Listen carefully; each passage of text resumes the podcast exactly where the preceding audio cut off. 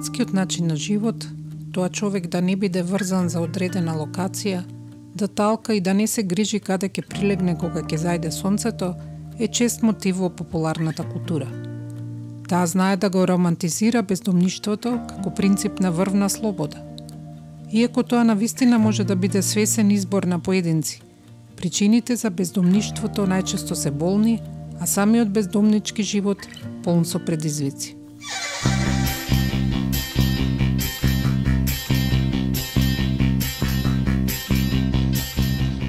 Во оваа епизода од подкастот Обични луѓе, својата животна приказна ја раскажува Дауд Тајер, некогашен семеен човек и коосновач на успешна компанија за електроматеријали. Денес тој е бездомник кој од дом има само една импровизирана гаража. Со него разговараше Александра Ристовски, повеќе од 20 години вработена во Црвениот крст на град Скопје. Значи, моето име е Дауд, презимето тај. Роден сум пред 61 година во Скопје, како четврто дете. Mm -hmm. Предходниот, значи имам една сестра и еден брат и еден почнал брат кој се кој почнал на, на самиот пороѓај. Значи, mm -hmm. уште како мал така колку се сеќавам, значи од тоа што може да се сеќавам, на моите 6-7 години ме запишаа во школа и пошто бев како љубимец на мајка како како најмал, како најмал сум и она ми стави Паша на мајка, така ме нарече. И од тогаш ме стави еден прекар Паша. Mm -hmm. Се ми викаат Паша, а не ошто сум имал некогаш пари или ова, значи Паша ми стави од мајка. Роден сум во Бутел 1, односно mm -hmm. државно цели живеев од почет, роден сум тамо. Mm -hmm. Тамо сум роден. Бутел 1. Предходно беше село Бутел, па после кога беше земјотежот, де пребација, направија некои бараки и тамо татко ми му дадоа барака и тамо живееме. Значи, сестра ми, брат ми, јас и родителите. Mm -hmm. известно време така учев школа, беше добро, меѓутоа, околу го заврши тоа основната школа, јас беше почнав така, бев многу темпераментен, со чепти мамо, чепти тамо, така да не бе баш mm -hmm. примерен. Mm -hmm. Не бе примерен. дојде времето, нели, завршив тоа основното училиште, почнав да свирам гитара, така на мои 16 години, 15 години кога средна школа кога почнав, почнав и гитара. А во која школа се запиша средно? Се запиша во Коце Метале. Во средното училиште Дауд се покажал како капацитет. Го завршил за 3 години, а потоа се запишал и завршил и вишо трговско школа. На 16 години веќе го имал првото вработување. Истовремено свирал гитара во културно-уметничкото друштво Коста Абрашевич и со него ја прошетал цела Европа и Америка. Со гитарата в рака ја запознал и жена си. Познат. ја запознав свирејќи гитара mm -hmm. на една игранка во во железара. Mm -hmm. Значи свире гитара и така да се запознаме, веројатно беше љубов на прв поглед, mm -hmm. се запознаме и не беше многу долго врската, ен, така година дена може mm -hmm. се пред брак и после се Како се викаше таа? Ифета. Ифета. Ифета се викаше и што знам, да кажа дека не може да прежалам што направи огромна грешка, моја е кривицата што што дое до развод на брак. Mm -hmm. Значи моја кривицата. Имам две ќерки, со Ифета така. Со Ифета, да, две ќерки. Mm -hmm. Не комуницирам со нив, затоа што Со двете? Со двете, да. Дека многу беа револтирани од она што јас го направив. Она што го направил е што почнал врска со комшивката, која и го открила тоа на жена му. Ова се случило по 15 на години брак, кога тој веќе имал развиен бизнис, две керки тинејџерки и собствена куќа во која се живеело добро. Па јас сум основач на електроелемент, mm -hmm. сега што ова јас сум основач на така. него. А, после го, кога почна а, значи бев научен на многу пари. Mm -hmm. На многу пари.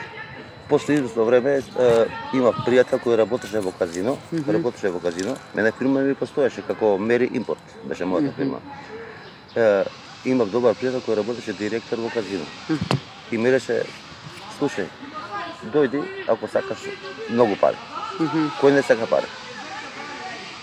Добро ми дојде, значи заработуваме во казиното во Мрдаја, значи заработуваме на дневно ниво по 10 до 20 илјади долари.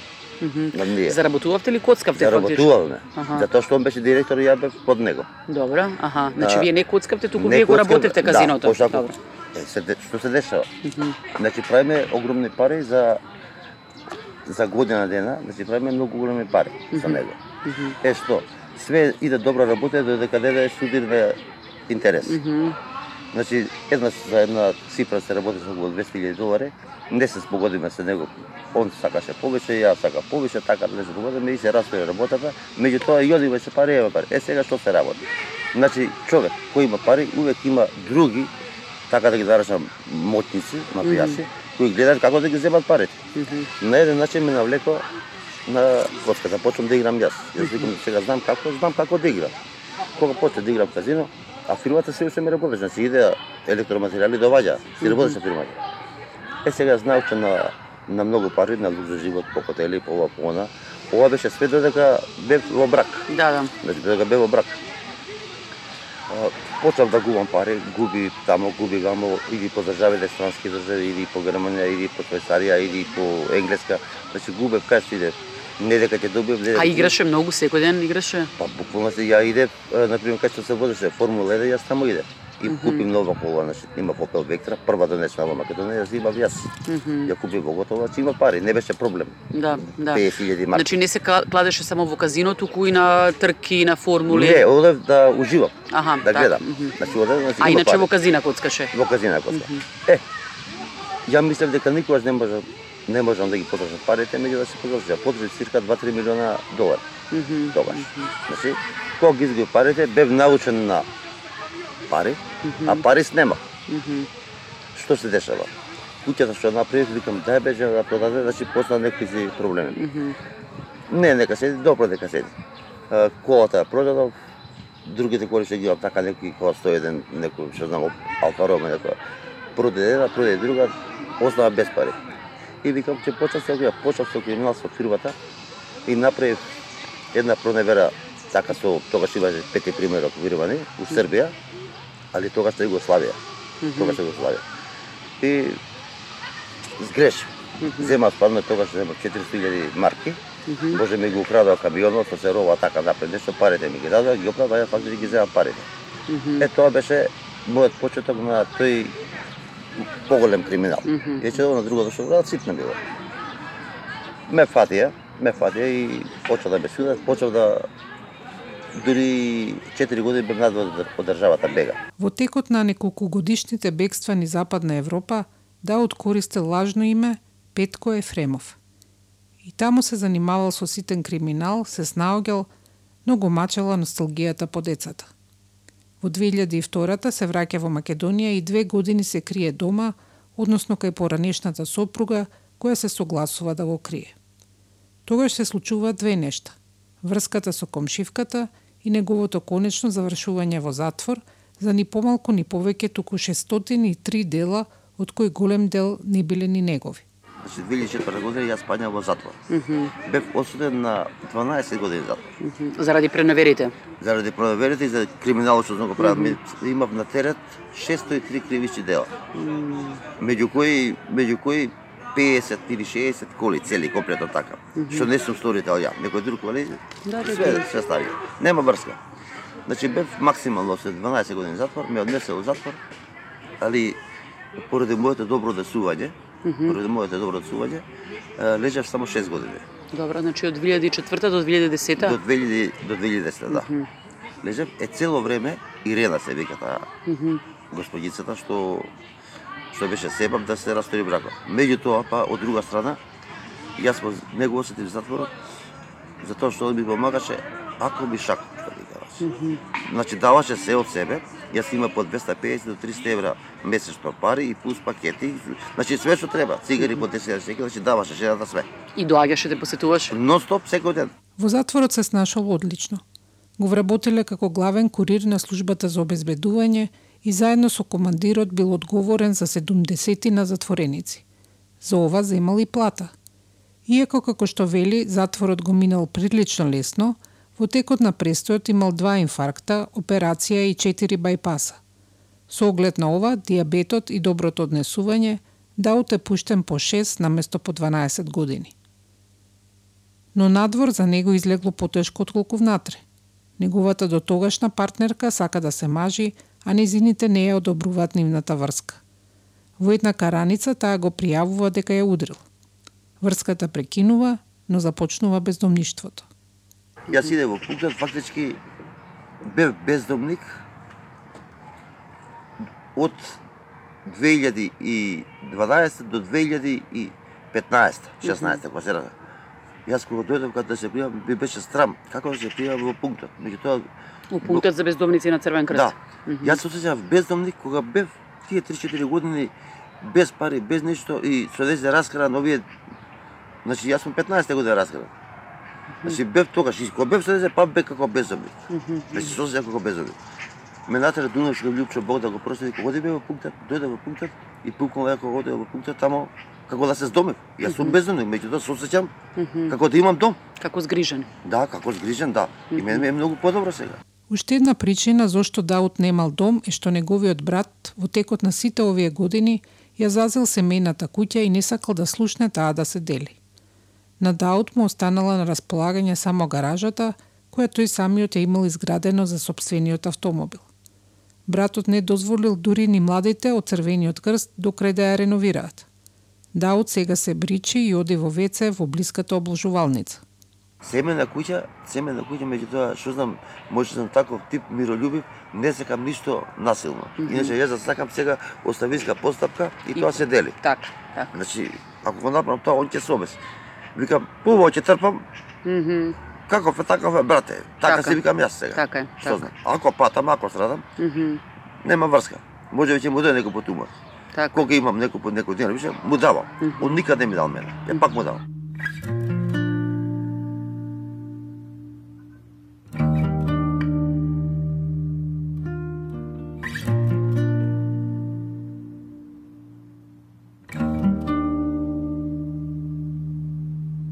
うん。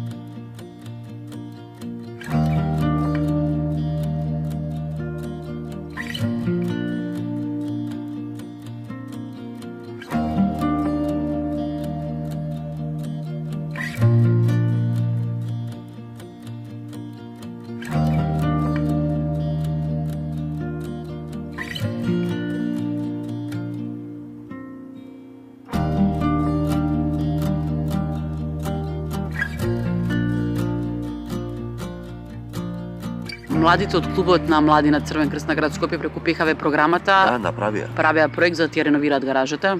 Да, ја реновира гараж, ја направија, меѓутоа што е, Себа беше исто брат ми да не може да довршат. Мгм. Значи дојде електричар да врзе, дојде ова, он ги избрка, беше едно маче баш тогаш што тоа кај што копа и одводот ќе беше направен. Мгм. Почна оди. Меѓутоа кога копа паѓаше малку дош, едно маче, две, таму падна Мгм. судаве и прекида, зема направи проблем, тамо дојде полиција. Луѓето се ти дојде, никој не може да го трпи тоа. Така. И остана така. Е сега малку ги тезијата смиривме и најдев услови дека можеме да копам. Што Мгм. направи јас? Му дадов него, еве ти тебе 50 евра, ти ископај ми. Значи морам на тој начин. Мгм. Е сега он се нафи, да, ја ќе купам. Е сега он копа. Мгм. Он го прави тоа, што треба да се муча друго, сега он го копа, значи. Така. И сега вика не мора да се браш, па вика само ископа го. Гледам уште малку, ќе го докопа. Ќе ми остана да ги ставам цепките и не е проблем. И ќе се врзеш потоа за водовод и ќе биде полесно. Иначе не може, морав кај неговата копатула, само таму има цепка. Значи ја немав друг начин освен да рескирам, иако не, ме не ми треба пари, ми треба да можам да нели да идам у- ВЦ, да се измијам. Да, тоа се го прашам во тоалет каде одиш сега, како се снаоѓаш? Сега се снаоѓам најблиска кладилница, Мгм. И дури луѓе да викаат се коцкаш. Не се коцка, немам пари за коцка. Али ја морам да седам во Моцарт, морам да седам, затоа што сите физиолошки потреби ја Моцарт. Таму се бричам, го гледал, тап машинката. А го знаат тоа луѓето од Моцарт? Го знаат. Го знаат. Го знаат, дури ми дава легне се смеси, одмара си. Некој пат ќе седат да почистам, ќе ми дадат 50-100 Мгм. денара. Мгм. Значи не ми е страм Така. да работам. Мгм. Работа помагам, што носам сум Моцарт. Меѓутоа, луѓе кои што не може да ги наречам ни пријатели, али кои не ме, не ме симпатизираат, викаат дека се и се што да мене фрлаат тамо, ја ги, едноставно ги игнорирам како да не ги слушам, се гледам работата, да ми проđе дел, нели, тамо сум на стоп. Така. Значи ќе ќе напијам кафе, чај, било што, помагаат. А во пунктот за бездомници во момент поток одиш да се бањаш, тамо ги користиш услугите секој петок? Да, пак имаме една пријателка, пак ќе знам, значи имаме една пријателка, сега моментално е во Аустрија. Кога она тука, Мгм. сега е моментално во Аустрија, во месец дена. Мгм. Кога е тука, јас се седам се спијам кај неќе. Добро. Значи добро го делам, жените. Не е проблем. Значи не е проблем. Али кога е во Аустрија, јас немам каде. Така, и одиш тогаш во пунктот. Тогаш што да во пунктот се мгм. Две години, три години беше куќата на сестра ми слободна, значи таму се седев, значи куќа голема на. Мгм. Сега ќе ја продаваат, па ја затворија и јас морав да напуштам. Али, е, секој ќе дојде за нова година доаѓа пријателката од Аустрија и ќе спијам таму, може, додека е тука децидира 15 и после пак исто. Помеѓу другото, Дауд го има совладано берберскиот занает и денес волонтерски ги шиша оние кои се во слична ситуација како него во пунктот за бездомници во Момин поток. Дали има контакти со сопругата со семејството? Со какви мисли се буди и заспива? Кога би можел да се врати назад и да промени нешто, што би било тоа? Ми ја сретнал на улица, меѓутоа да сакам можам да можам да да се дозволам и да ја прозорам и мислам дека ќе седнеме и капе ќе меѓутоа него сакам сега тоа јас ми е некако незгодно. Мгм. Иначе да сакам можам, ама изгледа ќе може да направиме и, так, и, и такво нешто. Значи може да се деси, во една да направиме такво нешто. Она моментално работи во еден драгстор, Мгм. како продавачка е. Мгм. Како продавачка. Значи жената е работлива. Мгм. Работлива, сака да работи, си работи. Па да, она и двете деца ги одгледа, нели? Да, она ги одгледа. Се коче за деца. И сега децата се имотни. Мгм. Значи едната ми е мажена тука, има има синче, а другата во Америка што е таа исто мажена е, со сопругата тамо, меѓутоа немаат деца. Немаат уште. А ова што е во Скопје немаш контакти со незе, ништо не, ама си го видел детето. Да, Внучето- да, да, со го имав малце, ама откако се омажи, што знам, многу лош глас ми бие без потреба. За све нешто што не се го направи, морам да докажам дека дека Значи името Волк останало. Мгм. Значи многу е тешко и јас не знам, еве 6 години сите знаат дека ништо не правам. Мгм. Буквално на човек го падна во аптека пенсијата 6400, не знам што беше. Таја гледа чистачката како да му го земе, викам стоп, застане, господине, полека. Овие пари се ваше, земи ги. Мгм. Мгм. Значи не сакам. Ништо не сакам тука. Како ти минува сега денот, Дауд? Ам, Па претежно, значи еве сега значи дојдов овде, иначе обично седам во кладилница, пијам кафе. Ќе прошетам малце да видам нешто ако може да се купи, да се продаде нешто, да извадам некој динар. Да го пробам денот, значи ја морам денеска да изам 200 300 екстра, за да може да го пробам денот. Иначе пушам цигари, цигарите пушат две кутии. Значи цигарите се кошаат 200. Значи проблем. Треба да ги оставам. така. Правилно би требало да ги остават, не пошто може би малце повеќе пари. Иначе тоа од, од ден за ден, живееме си од ден за ден. Мгм. Од ден за ден. Колку пати јадеш во текот на денот, Дауд? Дали е три тоа пати некој- тоа или Не, не. Ја може би така еднашка некој пат два пати. Ако имам некој пат, некој ми дојде некој ден малце повеќе, можам знам да се да мина скара, значи можам, значи, некој пат. Зависи како. Али упрост секој два пати јадам. Мгм. Пошто мора да јадам, ставам инсулин, значи морам да јадам. Мгм. Така. Морам да јадам, значи да да си го слушам здравјето. А дали имаш некој вистински пријател со кој што поминуваш најмногу време, кој што со години ти е пријател? Не. Не. Не, такво нешто не и не верувам многу пријатели. Не. Мгм. Ја пријателите може све биле све биле лажни. Значи немам пријател, има пријател, Бог да го прости почина. Мгм. Беше стварно пријател и сега со неговите синови ми се како како собствени деца ги поштувам. Мгм. Неговите синови. Така.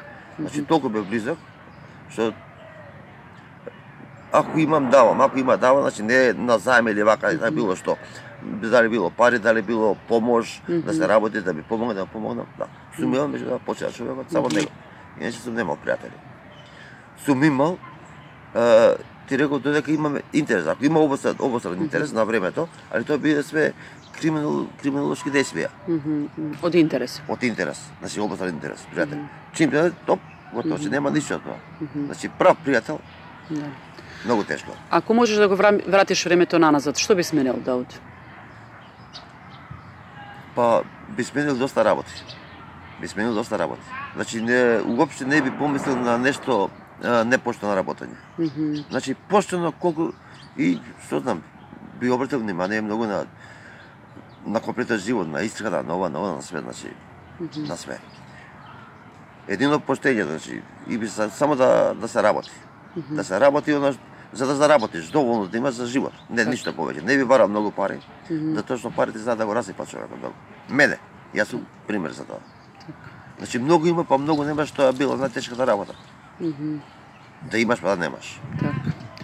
А кажи ми, од што се плашиш? Дали навечер кога ќе легнеш, дали размислуваш за некои стравови? Од што ти е страв?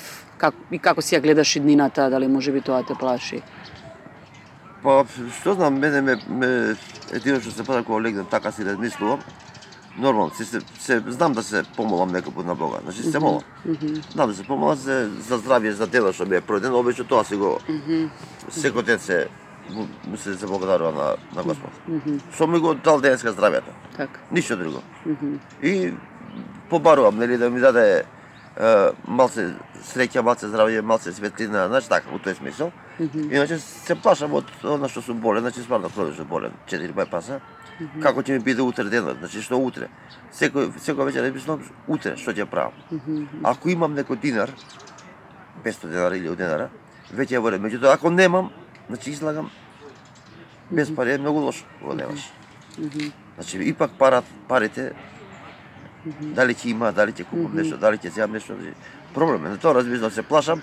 О, првено здравјето, а второ та она без парицата што не може да... Што ти било најубаво во животот, Дауд? Па најубаво што знам годините ако се на назад, значи Кога си бил тоа по турнеј кога со, со црвени со ова со академското тоа со со друштвото, со Коста Брашевич. Mm -hmm. Може тој период ми бил многу добар. Mm -hmm. Значи увек турнеи, свирење, друштво, забава, тоа се све. Така. А што било најтешко, најтешко, најтажно во животот? Ба најтажно ми беше кога она разводот ми падна со жената која ми падна, разводот ми падна многу тешко. Иако бев во една страна среќа, меѓутоа бев пак многу тажен затоа што изгубив фамилијата. Значи толку, толку, толку ме боли тоа, сум направил катастрофална грешка, што никој нема да се ја проста. Меѓутоа вика времето лечи све, што знам, па можда и можда и лечи. Можда и лечи, ама не е баш така. Не би се сложил за тоа.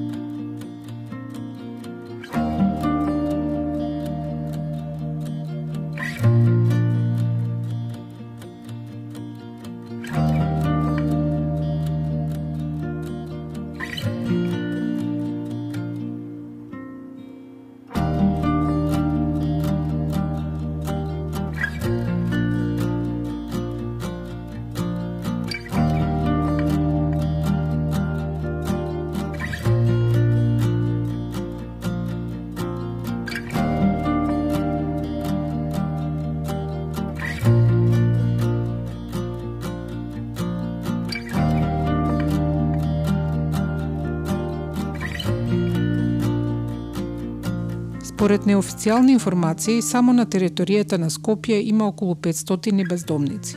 Точната бројка е тешко да се утврди бидејќи тие често немаат документи и ја менуваат локацијата каде што престојуваат. Доколку сакате да бидете дел од волонтерите кои помагаат во пунктот на Црвениот крст во Момин поток, следете го линкот на нашата веб страница кој води до електронската адреса на координаторката. Можете да се приклучите и на невладините организации кои дистрибуираат оброци и изгрижуваат бездомниците, особено во зима.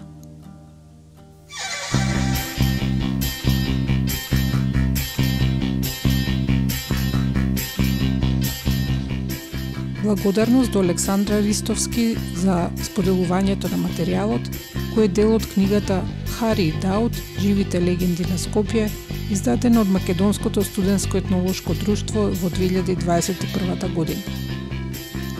Аудиомонтажа Бојан Угриновски. Транскрипт и фотографии можете да најдете на нашиот сајт обичнилуѓе.мк.